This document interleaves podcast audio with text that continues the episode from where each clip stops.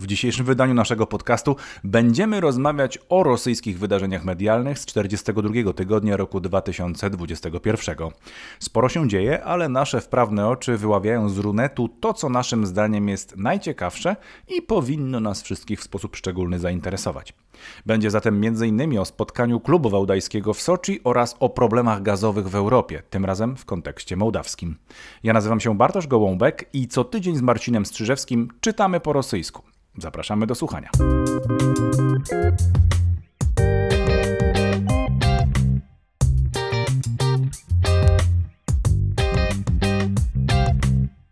Cześć Marcinie.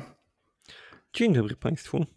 Zaczniemy od e, czego? O, zaczniemy od tego, że my dzisiaj mm, lekko modyfikujemy nasz format. E, na ręce redaktora naczelnego, czyli mojej skromnej osoby, e, wpłynęło podanie od pana redaktora Strzyżewskiego, który słusznie argumentując mówi, że my troszeczkę możemy troszeczkę zmodyfikować właśnie to, co państwu prezentujemy w sensie formalnym. Mamy nadzieję, że nie jakościowym. Marcinie, oddaję ci na chwilę głos. Proszę Państwa, nie będę tutaj opowiadał e, drdymałów i mówił, jak to dla wszystkich będzie lepiej, kiedy skrócimy podcast. Przede wszystkim chciałem po prostu powiedzieć, że e, ja trochę już w życiu i z liczbą projektów i zadań mm, do wykonania sobie zwyczajnie nie radzę, dlatego ten wniosek formalny brzmiał tak, żebyśmy szykowali po dwa tematy na odcinek, a nie po trzy, ponieważ po prostu zaczyna mi brakować czasu na sen i to mogłoby się po prostu skończyć jakąś y, ostatecznie chorobą z przepracowania i po prostu zwyczajnie nie chciałbym skrócić ten format, ale myślę, że wciąż pozostanie on dla Państwa ciekawy, nawet jeśli będzie trochę mniej obfity w treść. I to będzie z korzyścią dla wszystkich. Jakość to jest to, na czym, na czym najbardziej zależy. E, jeśli mielibyśmy rzeczywiście Państwu e, podawać e, no, coś takiego mm, delikatnie rzecz biorąc rozwodnionego, to na tym nam nie zależy, więc jak najbardziej uważamy, że taka strategia, delikatna modyfikacja poprzez skrócenie o dwa materiały, bo przygotowaliśmy do tej pory mm, dla siebie mm, wzajemnie do dyskusji po trzy materiały z mediów rosyjskich, teraz będą dwa, ale będzie wszystko pozostałe tak jak dotąd. I jeśli Państwo pozwolą, to żeby już nie przedłużać, zacznijmy nasze dzisiejsze spotkanie. Od czego? Zacznijmy, drodzy Państwo, od według prasy rosyjskiej chyba najbardziej mm, takiego widowiskowego wydarzenia z ubiegłego tygodnia, w którym wziął udział prezydent Federacji Rosyjskiej. Otóż 21 października odbyła się plenarna sesja klubu wałdajskiego. Mm, bardzo e, interesująca to jest taka półformalna struktura. E, ona się sformalizowała z czasem, ale miała taki etap rozwojowy, kiedy w zasadzie była tylko rzeczywiście i wyłącznie klubem dyskusyjnym.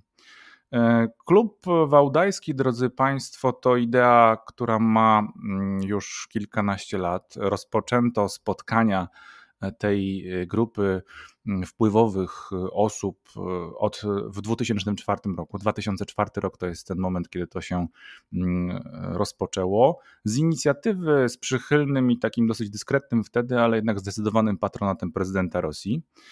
W klubie wałdajskim, do którego zapraszani są e, dziennikarze zagraniczni, e, uczeni, także rosyjscy oczywiście, można powiedzieć tak w skrócie, rozwijane są koncepcje rosyjskiej idei, jak Rosję objaśniać światu. No i właśnie ta platforma taka mniej formalna e, ma temu sprzyjać. Dlaczego Wałda i dlaczego Klub Wałdajski? Otóż pierwsze spotkanie zorganizowano nieopodal jeziora które leży niedaleko od Nowogrodu Wielkiego. Tam po raz pierwszy mm, ten klub się spotkał. No i w zasadzie bardzo łatwo Państwo wszystko sobie rozczytają. Link jak zwykle do mm, tych centralnych witryn klubu wałdajskiego e, i link jak zwykle podajemy w opisie do odcinka. E, drodzy Państwo, mm, co to e, tak naprawdę było to, to, to, to wystąpienie Władimira Putina? No, zostało podzielone na mm, dwie części. Mm, pierwsza część to blisko 40-minutowe takie wystąpienie programowe Władimira Putina, tak bym je określił. Mm, I druga część to rozmowa moderowana rozmowa. Moderował ją Fiodor Łukianow, jeden z ekspertów, z współtwórców też tego klubu, dziennikarz, w jakimś sensie też polityk, człowiek wpływów w pewnym, w pewnym zakresie. Mm, moderował tą rozmowę z zaproszonymi gośćmi właśnie on. E, I ta rozmowa to była dłuższa część e, spotkania plenarnego. Władimir Putin regularnie przybywa na takie właśnie mm, podsumowujące spotkania dyskusyjne. E, w tym roku akurat miało to miejsce w Centrum Medialnym Olimpiady Soczyńskiej, czyli, czyli w kraju krasnodarskim. I drodzy Państwo, mm, Zacznę od tych y, takich węzłowych y, kontekstów tez, które Władimir Putin wygłosił e, podczas pierwszej części tego, tego spotkania z klubem. Ono potrwało w sumie ponad 3,5 godziny, zresztą jest zarejestrowane w całości, można je obejrzeć wnikliwie ale zrobiłem e, to dla Państwa i myślę, że podzielę się takimi kluczowymi spostrzeżeniami. Zacznę od tych głównych tez, e, które Władimir Putin wygłosił. Mm, po pierwsze, powiedział prezydent Rosji, pandemia wykazała, że współczesny świat to jest świat państw narodowych. Tylko państwa dają sobie radę e, z tego typu wyzwaniami. I wydaje się jego zdaniem, że to jest właściwie pandemia pokazała, że należy wrócić z takiej globalnej wycieczki, z globalnego myślenia o świecie, o świecie otwartych granic. Zresztą pozwalał sobie prezydent na bardzo wiele różnego rodzaju komentarzy, takich dyskretnych e, szpilek wciskanych w różne e, punkty. Na przykład tutaj w tej sprawie wypowiedział się, że te otwarte granice to już do tego stopnia się zdewaluowały, że nawet w wielu miejscach budowane są mury zamiast otwierania tych granic. Y, w drugim punkcie dużym powiedział też prezydent, że skala zmian e, podpowiada e, nam, czyli naszej rosyjskiej kulturze politycznej, abyśmy byli bardzo ostrożni, ponieważ rewolucje są z natury swojej niedobre, szkodliwe potęgują tylko nierówności i kryzys, więc biada tym, którzy myślą, że w trybie rewolucyjnym mogą zmienić porządek e, biegu politycznego spraw. W trzeciej dużej tezie swojego wystąpienia prezydent Rosji powiedział, że czas jest tak skomplikowany, że trzeba oprzeć politykę o moralne wartości, o kulturalne wartości, e, ponieważ próba dyktatury, dyktatu z innych źródeł E, no też może mm, skończyć się niepowodzeniem. Bardzo dużo poświęcił, jak na tego typu wystąpienie Władimir Putin, kwestiom mm, takiego obyczajowego tradycjonalizmu. Mówił o e, różnego rodzaju wynaturzeniach, które płyną z Zachodu. E, myśl, myślimy oczywiście, wiemy o tym, że, że, że te tezy, zresztą i my o tym dyskutujemy, czytając rosyjską prasę, cały czas przewijają się ostatnimi miesiącami właściwie mm, w przestrzeni publicznej mm, Rosji. Władimir y, Putin powiedział, że mm, oczywiście możemy żyć w różnych systemach etycznych i moralnych, ale no Zachód lepiej, żeby został ze swoimi kwestiami, nawet wyobrażanymi bo nie, nie, nie, podawał oczywiście żadnych konkretnych e, kontekstów, jednakże posługiwał się takimi obiegowymi e, straszakami, tak bym powiedział, obyczajowymi. Mm, I porównał to, co jest w jakimś sensie pewnie szokujące, do bolszewizmu. To, co dzieje się jego zdaniem na Zachodzie, jeśli chodzi o przekaz e, taki obyczajowy, dewastacja rodziny, wartości kulturalnych, donosicielstwo to są rzeczy, które nazywane E, były niegdyś, mówi Putin w tym przemówieniu, progresem, a bolszewicy oczywiście mm, zdewastowali e, to wszystko i odwrócili wektory. Mm, no i generalnie porównał e, i to dosyć wyraziście mm, Europę w sensie nie tyle instytucjonalnym, co takim metaforycznym, może meta, metaforycznym do Związku Radzieckiego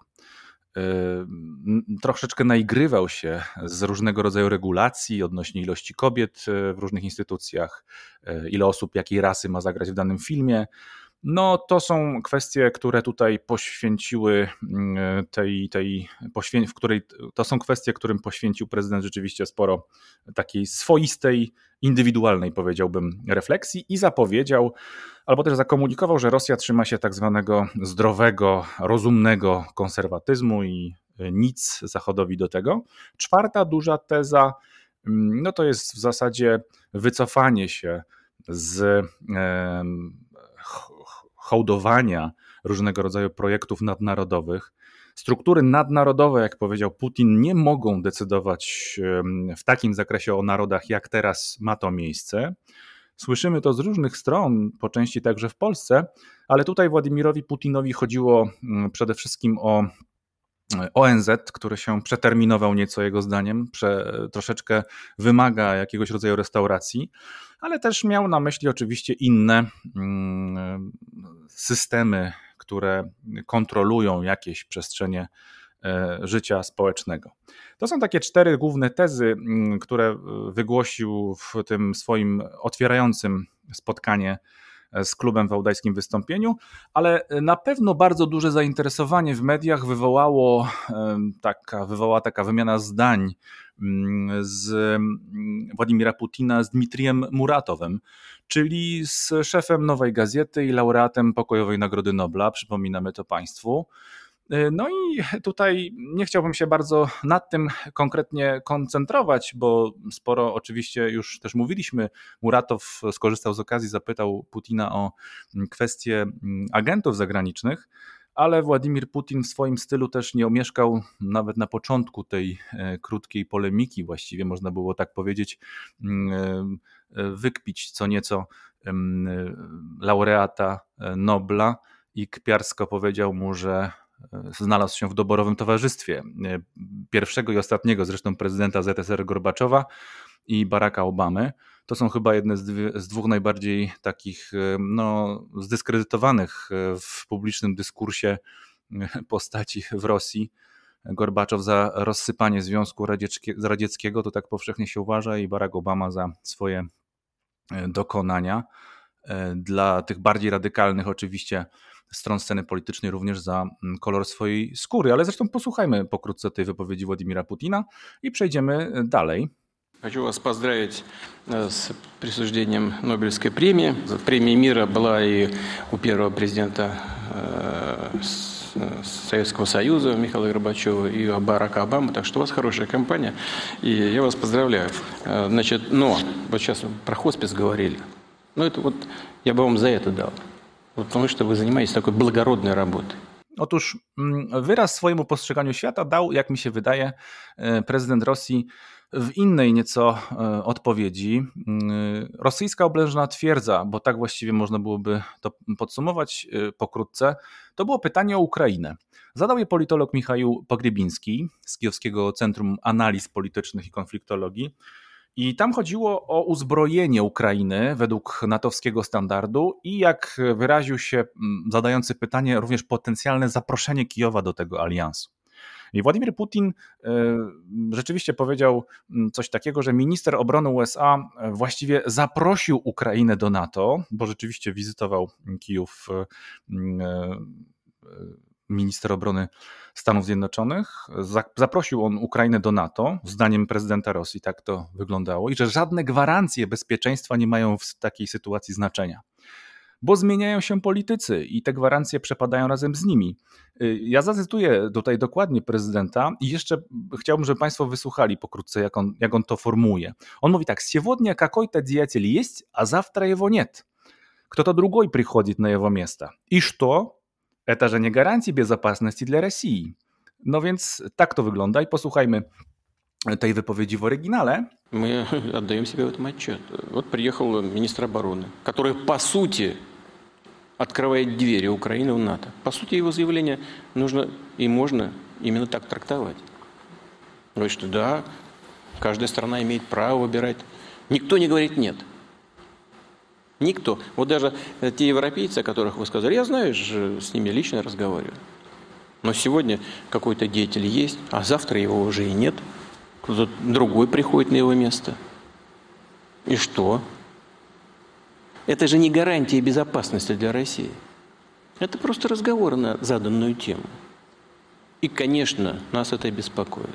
I ostatnie, co tutaj w tej kwestii chciałbym e, Państwu mm, podsunąć, powiedzieć, podpowiedzieć, no w skrócie mówiąc, e, pogląd wyrażony przez rosyjskiego prezydenta, on obrazuje w pewnym sensie też filozofię jego władzy, e, w której liczy się ciągłość i stałość, tak się może wydawać. To może tylko to może zagwarantować w domyśle najpewniej ten sam lider, tak jak ma to miejsce w Rosji, no i w jakimś sensie, bo o tym też sporo się dyskutuje teraz w mediach e, liberalnych rosyjskich, to jest chyba właśnie sedno obrazu dzisiejszej politycznej e, stagnacji tego kraju.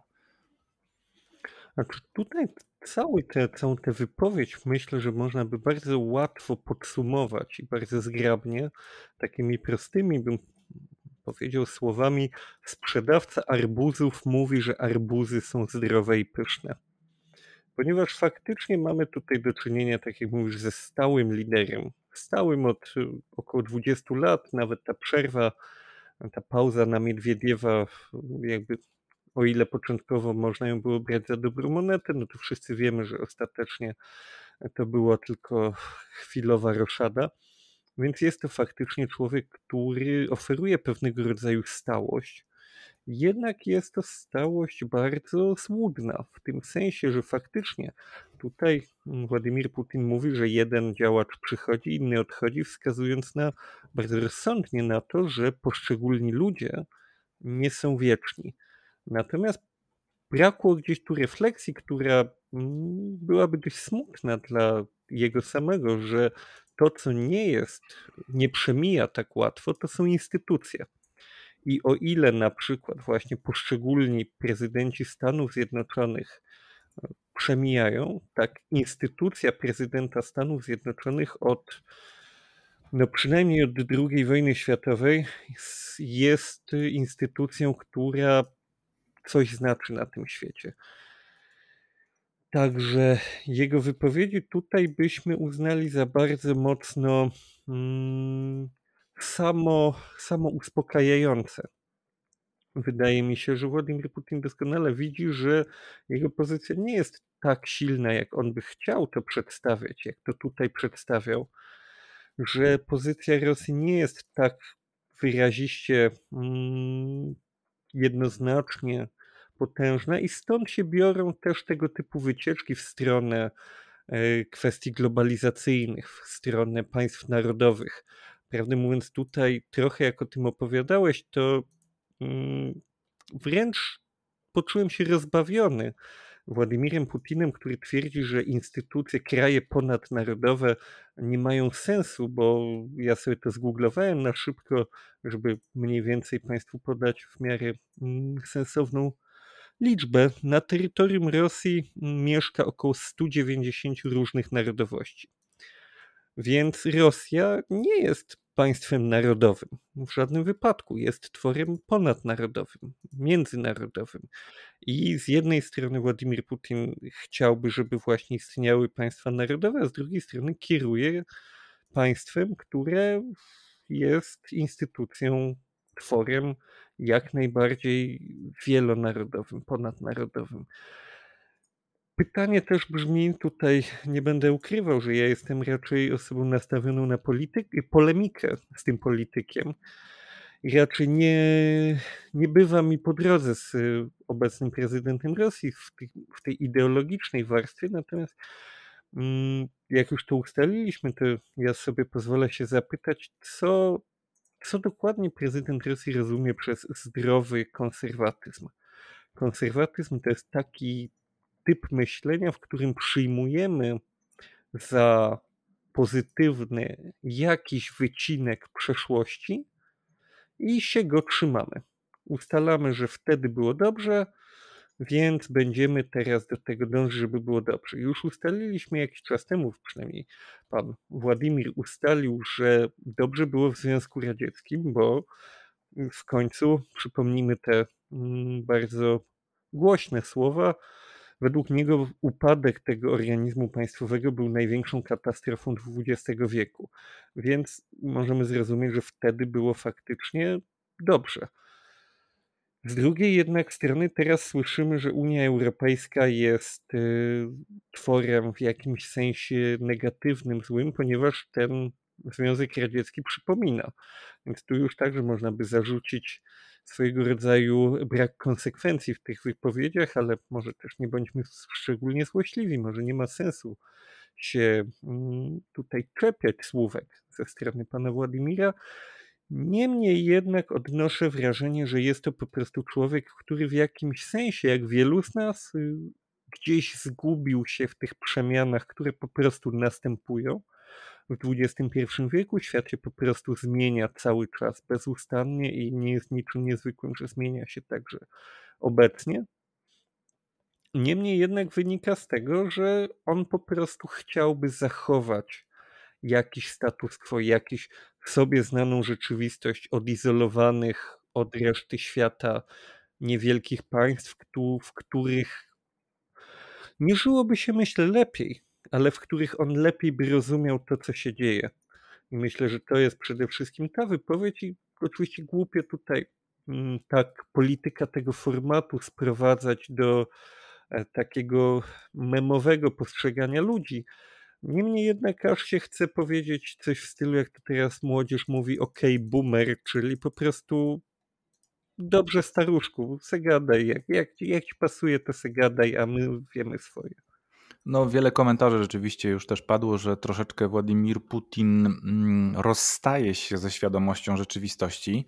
Y, nawet taki dosyć bliski mu współpracownik jego mm, już dawno temu, ale współpracował z nim Gleb Pawłowski, taki polityczny technolog y, w wywiadzie udzielonym dla Hamaskwy też powiedział, że Władimir Putin właściwie gra teraz już wyłącznie w swojej polityce na rynek zewnętrzny, oznacza wrogów, rysuje linie graniczne e, i, i, i troszeczkę cały czas podnieca publikę mm, tymi kontekstami mm, napaści na Rosję w różnych e, fragmentach jej rzeczywistości. A przy tej okazji, o której ty mówiłeś, mm, rzeczywiście ciekawe, ciekawe spostrzeżenie, nawet bym o tym tak nie pomyślał w pierwszej chwili, że e, Rosja faktycznie też jest w jakimś sensie, jeśli chodzi o jej państwo, takim ponadnarodowym organizmem. To prawda, e, co prawda o, o, też o e, długotrwale um, takiej wzmacnianej tradycji i koncepcji, ale akurat teraz przebiega w Federacji Rosyjskiej, co interesujące, myślę, może naszych słuchaczy też zainteresować spis powszechny E, co nieco podobny do naszego, bo również w trybie elektronicznym e, się może odbywać. I jest taki ruch wewnątrz Rosji obecnie, który próbuje za wszelką cenę też pokazać państwu rosyjskiemu, jak dużo tych narodów jest, i organizatorzy, inicjatorzy tego typu działania nakłaniają do tego, żeby wpisywać nawet najbardziej głęboko ukryte swoje tożsamości narodowe, żeby państwo federalne zobaczyło, z czym tak naprawdę ma do czynienia. Bardzo jestem ciekaw tego rezultatu. Tutaj chodziło głównie o Żydów, ale nie tylko, bo oczywiście doskonale wszyscy wiemy, że dotyczyć to może masy innych grup narodowościowych. Władimir Putin pewnie jeszcze jakoś tam będzie się dzisiaj mm, przez nasze spotkanie przewijał. Na razie zostawmy to bardzo ważne i bardzo ciekawe wydarzenie.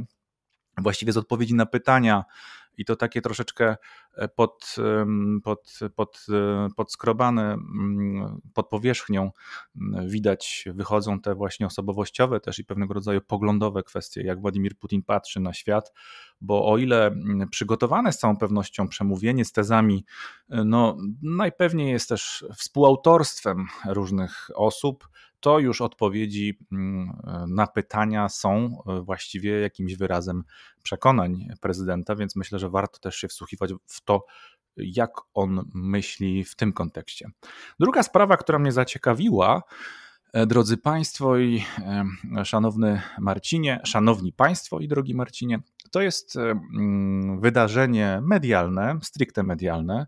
Otóż telewizja TNT mm, to jest jeden z wiodących dzisiaj rozrywkowych kanałów telewizyjnych w Rosji. Z całą pewnością dużo seriali, dużo e, bardzo ciekawych e, e, wydarzeń, też w kontekście takiej rozrywki mm, najbardziej popularnej, stand-upy itd. Tak itd. Tak telewizja ta zaprezentowała w ubiegłym tygodniu ramówkę wiosenną pokazała, jakie są plany na sezon wiosenny 2022 i wśród różnych nowych i odświeżanych pomysłów pojawił się tam tytuł serialu, nowego serialu zatytułowanego Isprawienie i nakazanie.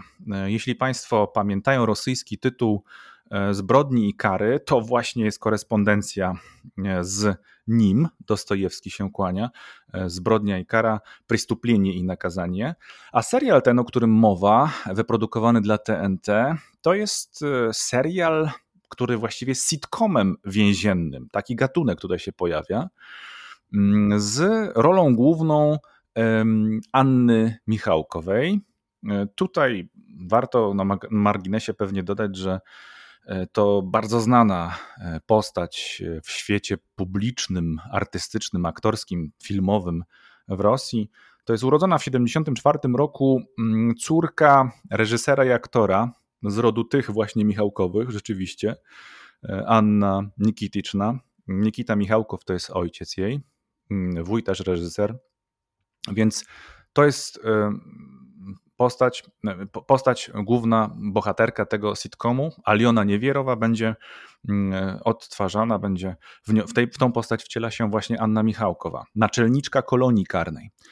I mm, tutaj chodzi y, o to, mm, w pewnego rodzaju, no, można by rzec, zaskoczeniu takim ogólnym i nawet oburzeniu że w trailerze promocyjnym tego sitcomu oburzenie wywołała właśnie taka krótka scena, mm, w której bohaterka Michałkowej, naczelnik Niewierowa, sugeruje jednemu z oskarżonych w ramach jakiejś tam wewnętrznej zemsty na innym osadzonym mm, gwałt. Y, niech Państwo posłuchają krótko, to jest bardzo krótki fragment, żeby, żeby nie było tutaj wątpliwości, że tak faktycznie te słowa padły i do teraz są dostępne w internecie. Nikt tego nie usuwał. Помните, мы с вами читали сказку «Волк и семеро козлят». Там был момент, когда волк хотел обмануть козлят.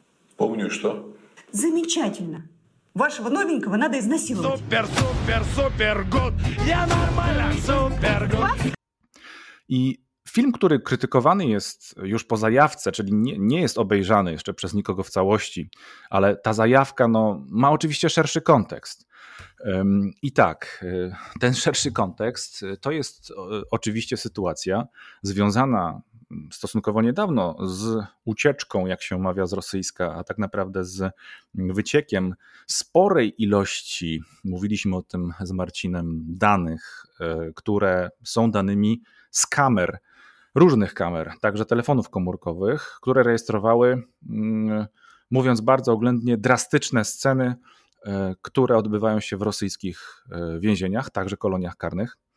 E, I mm, ktoś tutaj prawdopodobnie, i no oczywiście to też stało się publiczną mm, nie tyle tajemnicą, co kwestią do mm, omówienia, jak to w ogóle wygląda teraz ten system penitencjarny e, w Federacji Rosyjskiej. No a sam film wydaje się jeszcze trudno jest oceniać bez jego e, obejrzenia, tak jak niegdyś bywało. Ja też bym się powstrzymywał mm, przed jakimiś e, daleko idącymi sądami. Nie można oceniać książki po okładce, jak się wydaje, a takim, taką okładką może być rzeczywiście ten trailer króciutki, bo wydaje się, że tutaj no, jest ciekawy pomysł, w ogóle zamysł. Film, y, który ma opowiadać y, no, o pewnego rodzaju y, takim zabawnym być może dla wielu Rosjan dzisiaj mm, kontekście czyli fabuła jest osnuta wokół przestępstwa popełnionego przez rosyjskich bogaczy. Oni trafiają do miejscowości, w której ich e, właśnie krewna Anna Michałkowa jest szefową tej kolonii karnej. Sami do tej kolonii karnej trafiają Wyraz jest taki, powiedziałbym, populistyczny, tak? taki o socjalnym odcieniu. Podobać się może we współczesnej Rosji, bo hasło takie centralne tego, tego materiału, tego projektu no, brzmi tak, czy z bogacza można uczynić człowieka. Tak? No i oczywiście w domyśle przez obecność jego, przez jego przetrzymywanie w więzieniu w kolonii karnej. No, ja bym powiedział tak, już dążąc ku, ku, ku, ku skrótowi i dobijając do brzegu, że taka twórczość penitencjarna to nie jest w Rosji nic takiego najbardziej y, dziwnego. Zaczyna się gdzieś od Puszkina w literaturze. Mamy dekabrystów, Dostojewskiego, Czechowa, sala numer 6, Sołżenicyn, Jeden dzień Iwana Denisowicza. Jest tego naprawdę dużo.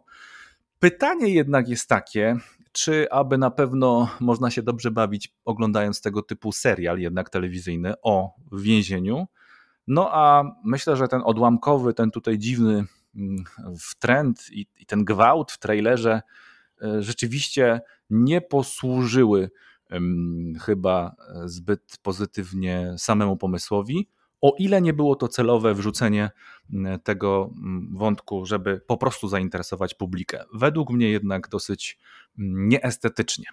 Tutaj oczywiście poruszamy się na dość grząskim gruncie, jeśli chodzi o ocenę twórczości. Niemniej jednak mam takie wrażenie, że kontekst jest kluczowy zawsze i to zarówno w sztuce, jak i w naszych wypowiedziach. I gdybyśmy powiedzmy sobie mm, tak nakręcili film mm, o tym, komedię, o tym, że ludzie głodują i do jakich śmiesznych rzeczy są w stanie się posunąć dla jedzenia, prawda? To, mm, to mógłby być zabawny film, właśnie opowiadający o tym, że, że ci ludzie zdobywają jedzenie na różne sposoby, czasem, czasem także zabawne, prawda? I prawdopodobnie dzisiaj przy kolacji można by się z tego pośmiać. Natomiast gdybyśmy, mm, zostając w naszym rosyjskim kontekście, tego typu film zaprezentowali mieszkańcom zablokowanego Leningradu w latach 40. w trakcie wojny, prawdopodobnie tam mm, ludzie by się nie śmiali. I tutaj tak samo sam serial śmiejący się z realiów więziennych prawdopodobnie mógłby być i być może nawet jest zabawny, niemniej jednak w sytuacji, w której faktycznie dochodzi w Rosji do rzeczy, o których wspominaliśmy przy okazji poprzednich filmów. Mm, tutaj opowiadaliśmy właśnie o tych y, nagraniach z kamer, które wyciekły i które prezentowały rzeczy no, oburzające po prostu, w tym między innymi właśnie niestety te gwałty jako formę, powiedzielibyśmy, kary, jako formę znęcania się nad więźniami, mm, to myślę, że tutaj w takim kontekście pewna granica dobrego smaku została dość poważnie przekroczona. Zresztą dodajmy przy tym, jak wygląda reakcja państwa rosyjskiego na całą sytuację związaną z tym wyciekiem, ponieważ tak jak opowiadaliśmy e, poprzednio, czy dwa też odcinki temu, tamten wyciek miał takie pochodzenie, że pewien białoruski specjalista od IT, który spędził pewien czas w więzieniu w Rosji, bezpośrednio przechwycił z kamer dane i po prostu umieścił je w e, ogólnym dostępie w internecie dzięki czemu one mogły mm, zostać opublikowane, przynajmniej na razie częściowo. I chociaż faktycznie mm, część tych ludzi, którzy zostali uwiecznieni na tych kamerach, część tych przestępców w mundurach, bo ciężko to inaczej określić, została, mm, przynajmniej rozpoczęły się procesy mające na celu osądzenie tych ludzi, zaczęły się jakieś sprawy karne w ich przypadku, to jednak także pojawił się inny, o wiele bardziej smutny wątek, polegający na tym, że rozpoczęto poszukiwania tej osoby, wystawiono list gończy za tą osobą, która te dane opublikowała. Także widzimy z jednej strony pokaz tego, że państwo faktycznie reaguje i możemy założyć, że jakaś część wykonawców tej polityki państwowej w więzieniach zostanie ukarana pokazowo, natomiast jednocześnie widzimy, że także niestety ukarany zostanie ten człowiek, który spróbował uchronić ludzi, mówiąc o tym, uchronić ich przed y, dalszym podobnym losem. Co jest y, absolutnie oburzające, bo z jednej strony faktycznie widzimy, że mm, państwo rosyjskie próbuje pokazać, że coś z tym zrobi, a z drugiej dokładnie pokazuje, że to tak naprawdę było to, co oni chcieli robić i że ta osoba, która to ujawnia, jest ich po prostu wrogiem. Co no jest dość jednoznaczne i naprawdę trudno bronić takiego systemu i trudno nie współczuć Rosjanom, którzy w tym systemie po prostu muszą żyć. Tak, to wszystko y, prawda. I atmosfera jest po prostu specyficzna, można byłoby tak powiedzieć tej, w tej kwestii, bo ja akurat osobiście uważam, że kultura popularna e, w sposób e, oczywisty reguluje też, albo może być regulatorem pewnego rodzaju emocji, tendencji społecznych, na pewno przedmiotem dyskusji, omówień, e, radości też, prawda, rozrywki. To jest dosyć jasne. A w rosyjskim przypadku, jeśli chodzi na przykład o kanał, TNT, no to przecież doskonale też wiemy, że on E, jest e, w zasadzie w całości pod wpływem i pod kontrolą, e, nazwijmy to tak bardzo oględnie, struktur państwowych. Więc wszystko, co tam się pojawia, w jakimś sensie przechodzi przez sieć, przez taką kolaudację, no trzeba to powiedzieć wprost, no, polityczną także w jakimś sensie. Myślę, że jeśli ktoś tutaj zabiega o jakiegoś rodzaju wyrównanie rachunków, tak, żeby teraz ocieplić wizerunek więzień w Rosji, no to y, nie mam pewności, że to się uda po prostu. Y, ale może już nie będziemy y, do tego wracali, oby nie, bo może się jeszcze okazać, że ten serial jednak spadnie z ramówki wiosennej. W Rosji wszystko jest możliwe, nie tylko zresztą w Rosji. Marcinie, przełączmy się teraz do Twojego studia domowego i posłuchajmy, jakie masz przy, przygotowane dla nas zagadnienia z rosyjskiej prasy z ubiegłego tygodnia. Zacznę może od tego, że trochę ci zaprzeczę, ponieważ mówisz, że w Rosji wszystko jest możliwe i że ogólnie wszystko jest możliwe i w Rosji także. Otóż nie, w Rosji nie wszystko jest możliwe. Co jest niemożliwe w Rosji? Otóż, proszę Państwa. No co, no co jest niemożliwe? Co jest niemożliwe? Otóż w Rosji niemożliwe jest otrzymanie wizy imigracyjnej do Stanów Zjednoczonych. Nie co ty mówisz? Jak to się stało? To jest, to y, takie rzeczy są niemożliwe nawet? Takie rzeczy są niemożliwe, ale Obywatele rosyjscy, tu jest też polski akcent, y, mogą się ubiegać o taką wizę, tylko po prostu nie mogą tego zrobić w Rosji i mm, nasz polski akcent polega na tym, że tak zwany Gosdiep, Departament Stanu, zdecydował, że Rosjanie będą mogli to zrobić w Warszawie. Tam się muszą udać. Oczywiście to dotyczy tych Rosjan, którzy chcieliby w Stanach Zjednoczonych zamieszkać, przy czym warto tutaj dodać, że takich Rosjan nie brakuje. I generalnie ta, ten kierunek mm, przemieszczania się ludności jest raczej skierowany z Rosji do Stanów Zjednoczonych, nie na odwrót. Nigdy nie słyszałem o amerykańskim kelnerze w rosyjskiej restauracji, a w drugą stronę jakoś to działa. Zresztą znamy to z naszego podwórka. W praktyce faktycznie mm, te zmiany najnowsze w regulacjach oznaczają, że Rosjanie zostali zakwalifikowani do tak zwanej kategorii homeless, czyli bezdomnych.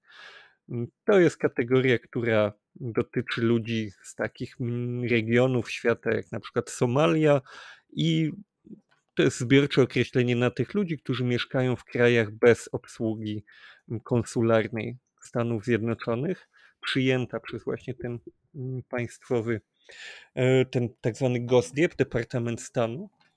I to tak naprawdę jest prawdopodobnie nie ostatni akord w pewnej dłuższej symfonii, która mm, moglibyśmy ją nazwać kłopoty konsularno-dyplomatyczne na linii Stany Zjednoczone-Rosja, ponieważ już przynajmniej od 2018 roku trwają różnego rodzaju obustronne ruchy właśnie na tym polu konsularno-dyplomatycznym. Kolejni dyplomaci są wydalani, kolejne, e, kolejne konsulaty, ambasady są, ambasady jeszcze może nie, ale kolejne konsulaty są zamykane.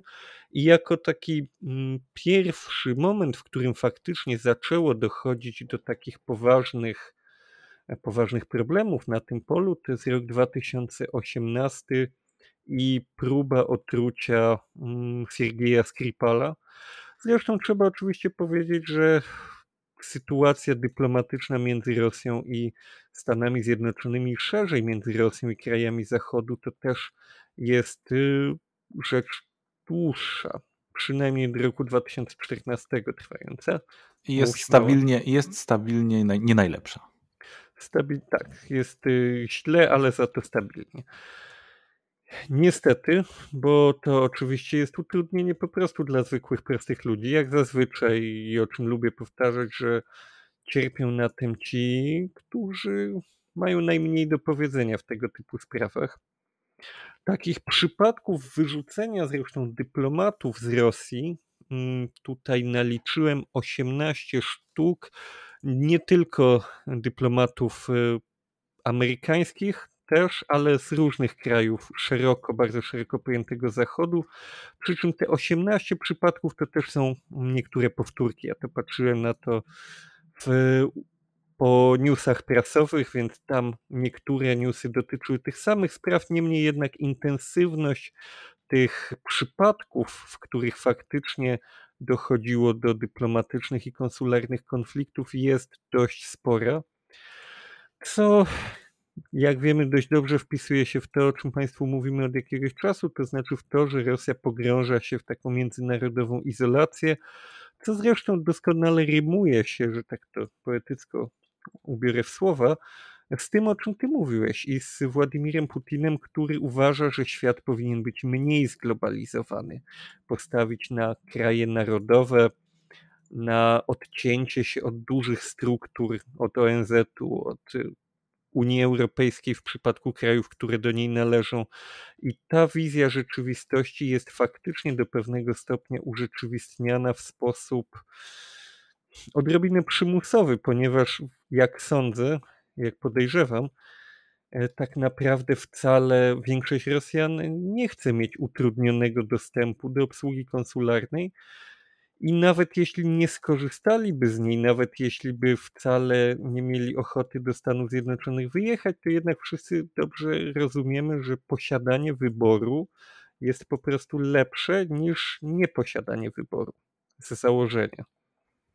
No i tutaj chodzi jeszcze raz, przypomnijmy o takie wizy stałego pobytu, e, a nie, e, a nie e, jednorazowego wjazdu na przykład, prawda? Bo tutaj by to, bo to, to by tak, też by wyglądało inaczej. Ale chodzi jednak... O te imigracyjne, niemniej tak jednak podejrzewamy, że ta, tak jak się wyraziłem wcześniej, symfonia mhm. jeszcze przez chwilę nie będzie ucichała i to może być zły znak na przyszłość, ale nie ostatni.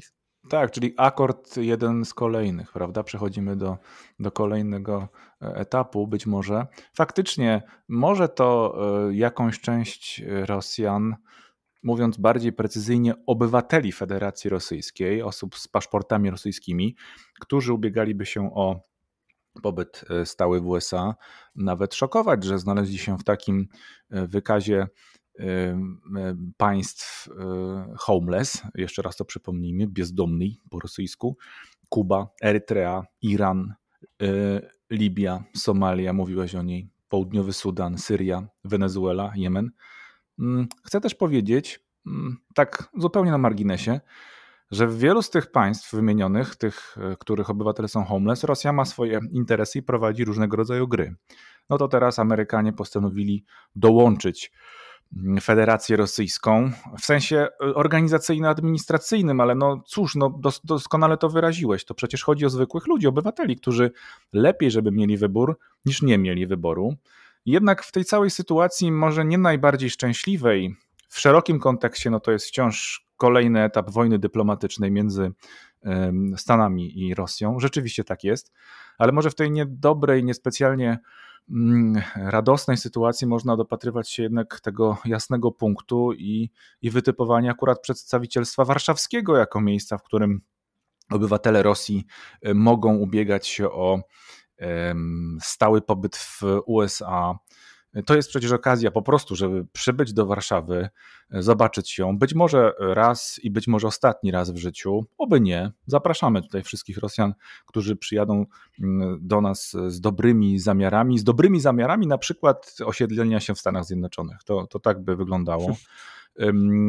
I y, niech, niech, niech, niech to żyje też w naszej dyplomacji, oby tak się wydarzyło. Przecież Amerykanie, przecież e, Biały Dom mógł zadecydować zupełnie o innej lokalizacji. Mógł na przykład powiedzieć: Dobrze, drodzy Rosjanie, Praga albo Berlin, bardzo proszę, mamy tam swoje ambasady. A tutaj, proszę, niespodzianka, Warszawa. Bardzo jestem ciekaw, czy Warszawa była w odpowiednim momencie też informowana o tego typu e, rozwiązaniu. Bo co do konsulatu i ambasady amerykańskiej, to jestem przekonany, że tak, ale czy nasi dyplomaci, nasz rząd taką informację w odpowiednim momencie również odebrał? Bo też jest parę rzeczy do rozstrzygnięcia wciąż, również w tym kontekście amerykańsko-polsko-rosyjsko-niemieckim. Mam na myśli trzymany kurek spustowy na Nord Streamie 2. Władimir Putin na Wałdaju E, przechwalał się wręcz, że jeśli jutro Niemcy powiedzą, że wszystko jest w porządku, to pojutrze gaz pełną, e, pełną prędkością do Niemiec, omijając wszystko, co po drodze popłynie.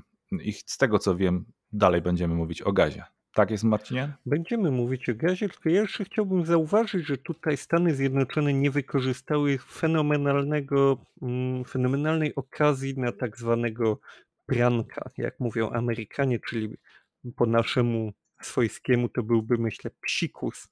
I tutaj faktycznie wybrano Warszawę i mi podczas tej rozmowy przyszło do głowy, że faktycznie to nie musiała być Warszawa, to mogła być Estonia, to mogła być Litwa, ale pomyśl sobie, jakie skrajne oburzenie wywołałoby, gdyby to był na przykład Kijów. Mm, byłoby dosyć radykalnie, ale e, słuchaj, ten halloweenowy kontekst twój, który się tutaj ujawnił, no byłby może zbyt e, radykalny. To zresztą było eksponowane na Wałdaju. No jak to jest? Przecież amerykański minister mm, e, obrony, no tak go nazywajmy, no przybył zaoferować miejsce w NATO mm, Ukrainie i jeszcze miałby tam umocować tego typu administracyjną wciąż, przypomnijmy, administracyjną usługę, którą w jakimś sensie świadczy państwo amerykańskie, ale przez inne miasta, tak? Znaczy swoją ambasadę w mieście, którym nie jest Moskwa. Dla, dla, słuchaj, Marcin, to też powiedzmy sobie wprost, dla wielu podróżujących po Rosji może się okazać, że łatwiej będzie, prze, przepraszam, ale to trzeba powiedzieć, łatwiej będzie dotrzeć do Warszawy e, samolotem niż przemieszczać się po Rosji, nie tylko samolotem na przykład, więc może są tutaj jakieś plusy i ten Kijów to też tak powiedziałbym za radykalnie. Tak, Kijów zdecydowanie mógłby wywołać e, nieodpowiednie reakcje ze strony samych Rosjan. Psikus albo cukierek, tak? Tak, może lepiej zostańmy przy cukierkach, ale tak jak wspomniałeś, faktycznie zostanę przy kontekście gazu i zostanę przy kontekście polityki międzynarodowej, ponieważ my w tej chwili w Polsce skupiamy się właśnie na projekcie Nord Stream 2, skupiamy się na wysokich cenach gazu, bo to też boli w portfele zarówno państwo jako całość, ale także nas jako pojedynczych konsumentów i to jest duży temat w ostatnich czasach. Mm, w ostatnich tygodniach, ale faktycznie niedobre rzeczy dzieją się mm, kawałek dalej na południe od nas, a konkretnie w Mołdawii, bo Mołdawia faktycznie ma bardziej wyraziste problemy z gazem i tej zimy może tego gazu tam zwyczajnie nie być. To jest kraj cieplejszy niż Polska, trochę dalej na południe się znajdujący, bardzo blisko Rumunii, niemniej jednak on także jest jak najbardziej konsumentem gazu i on także tego gazu potrzebuje mm, dla wielu swoich potrzeb i potrzeb swoich mieszkańców. Tymczasem konflikt polega na tym, że według Gazpromu mm, Mołdawia zalega z opłatami za dotychczas już kupiony gaz w wysokości 709 milionów dolarów. Przy czym dodajmy, że ta bezpośrednio dług to jest 433 miliony dolarów, reszta to są od tego długu odsetki. Więc rozumiemy, że to musiało chwilę trwać, żeby nagromadziła się taka ich ilość, bo to jest prawie 300 milionów dolarów odsetek. Mołdawia znalazła się w takim momencie, że 30 września skończył jej się dotychczasowy kontrakt i został zawarty nowy kontrakt na dostawę gazu, ale już bezpośrednio po takich cenach europejskich rynkowych, co oznaczało, że cena wzrosła z 250 dolarów za 1000 metrów sześciennych do 700 dolarów, co oczywiście jest dość sporą podwyżką, ale z tym się mierzy duża część krajów europejskich, nie tylko Mołdawia, a z drugiej strony no, trudno, trudno oskarżyć Mołdawię o bycie państwem bogatym, w związku z czym tutaj także te, te kwoty są dla tego kraju trudniejsze do mm, zniesienia, do w jakimś sensie zrekompensowania sobie niż w przypadku takich Niemiec, które mają po prostu większe możliwości finansowe. I faktycznie w tej chwili mm, przedstawiciel Gazpromu, Siergiej Kuprianow, mówi, że jego firma nie planuje i podkreśla, że nie ma w tym żadnej polityki, że nie ma tutaj żadnych y, złych zamiarów, ale że jego firma nie ma w planie e, tracić na dostawach gazu dla, dla nikogo, w tym dla Mołdawii. I obserwujemy tu w związku z tym pewnego rodzaju moglibyśmy powiedzieć, zapowiedź tego, jak teoretycznie może wyglądać przyszłość części przynajmniej krajów europejskich. Do tej pory Ukraina była Rosji i Gazpromowi potrzebna jako kraj tranzytowy. Wszyscy zdajemy sobie z tego dość dobrze sprawę, że e, projekt Nord Stream 2 nie jest projektem ekonomicznym, w tym sensie, że mm, istniejące do tej pory rurociągi wystarczałyby do przesyłu tej ilości gazu, która jest potrzebna Europie i szerzej konsumentom rosyjskiego gazu. I taka możliwość y, ominięcia tego kraju faktycznie może się skończyć tym samym, co w przypadku Mołdawii, choć tutaj nie będę rozstrzygał, czy faktycznie mm, kto jest, kto ma tutaj rację z punktu widzenia biznesu, bo jeśli Mołdawia faktycznie zalega prawie miliard dolarów, to jest zupełnie y, zrozumiałym, że jeśli ktoś nie zapłacił za dotychczasowe dostawy, a tutaj Gazprom twierdzi, że nie zostały uregulowane nie tylko stare płatności, ale także te świeże z ostatnich miesięcy, to faktycznie dostarczanie gazu klientowi, który nie płaci, jest zrozumiałe.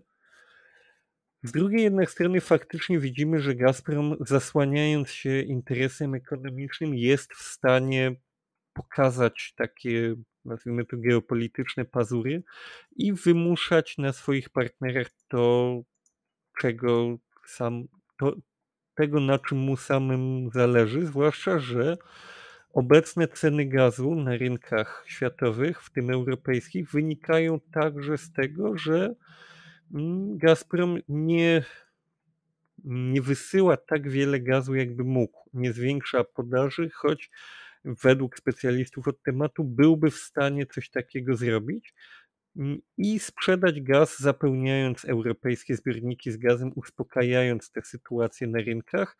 Niemniej jednak ta sytuacja, w której gaz kosztuje po 700, po 1000 dolarów za tysiąc, jak to mówią Rosjanie, kubow jest jak najbardziej dla Gazpromu korzystna. Więc to jest sytuacja trudna do rozplątania. Trudno jednoznacznie stwierdzić, kto w tym konflikcie jest pokrzywdzonym, a kto jest tym, kto wykorzystuje sytuację. Niemniej jednak możemy faktycznie na to spojrzeć w ten sposób, że jest to swojego rodzaju E, pokaz przyszłości, która może się stać także naszym udziałem.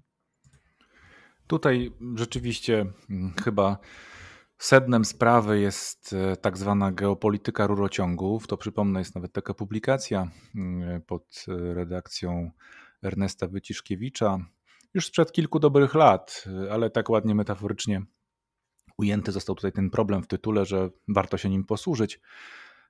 I no mam takie nieodparte wrażenie, Marcinie, że oczywiście, że biznesowo mogłoby się nawet okazać, jakby ktoś dobrze policzył, że nie opłaca się istnienie Federacji Rosyjskiej.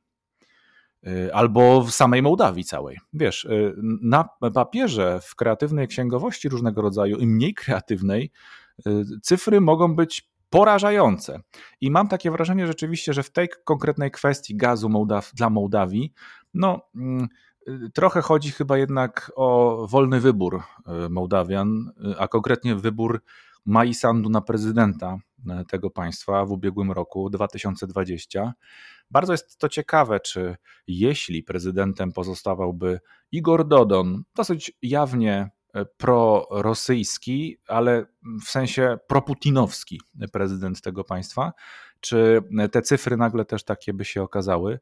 I to jest oczywiście bolączką naszej współczesności, że mm, Europa generalnie, mówię generalnie Europa, e, włączywszy to w to naszych najbliższych sąsiadów Niemców, e, umożliwiła Kremlowi no, rozwinięcie swojego wachlarza oddziaływania gazowego, szczególnie istotnego w sezonie grzewczo-zimowym, tak? No, doskonale to rozumiemy, że teraz szczególnie takie e, przystawienie rewolweru gazowego do, do głowy politycznej, głowy Mołdawii, no jest e, czystym barbarzyństwem, takim typowym, typowym rekietem właściwie. I no, nie da się tego jakoś inaczej analizować. To nie jest, e, to nie jest temat, który wyłącznie, który gdzieś tam już przewijał się tam powiedzmy wiosną czy latem. Nagle wybuchają te kwestie. Ja czytam dzisiaj komsomolską prawdę. Wydanie Mołdow, mołdawskie, e, drodzy Państwo, rosyjska, oczywiście moskiewska gazeta, też prorządowa, też od, odpowiednio kreuje wizerunek, kreuje wizerunek tego, tych negocjacji. E, czytamy dzisiaj mm, z popołudnia e, materiał, jeszcze jedna próba Widać, że tutaj napięcie jest wciąż podnoszone. Socjaliści Mołdawii, Partia Socjalistyczna prosi właściwie, próbuje mm, u Dmitrija Kozaka ważnego przedstawiciela, no, znawcy, eksperta mołdawskiego na Kremlu do spraw Mołdawii, tak go określmy, no, dosyć wiernego też towarzysza politycznego Władimira Putina. Mm, no, proszą Kozaka e, właściwie e, o to, żeby no, próbował wpłynąć na sprawy mm, ceny gazu. No to znaczy, że widać wyraźnie, że też ta, ta biznesowa kwestia się nie, e, nie, nie spina tutaj, że to jest po prostu polityczna gra i e, czują to także politycy różnych grup Mołdawii. Nawet jeśli e, założymy, że Komsomolska Prawda, mołdawskie wydanie, próbuje napinać tutaj strunę i wciąż straszyć, wprowadzać niepokój, to jednak nawet jeśli tak jest, bo trzeba to założyć, rzecz jasna, to mamy do czynienia też z przekazem dodatkowym. W Mołdawii są grupy, które doskonale rozumieją mm, stan spraw i e, próbują się troszeczkę tutaj jakoś obrócić, choć nie jest to oczywiście proste.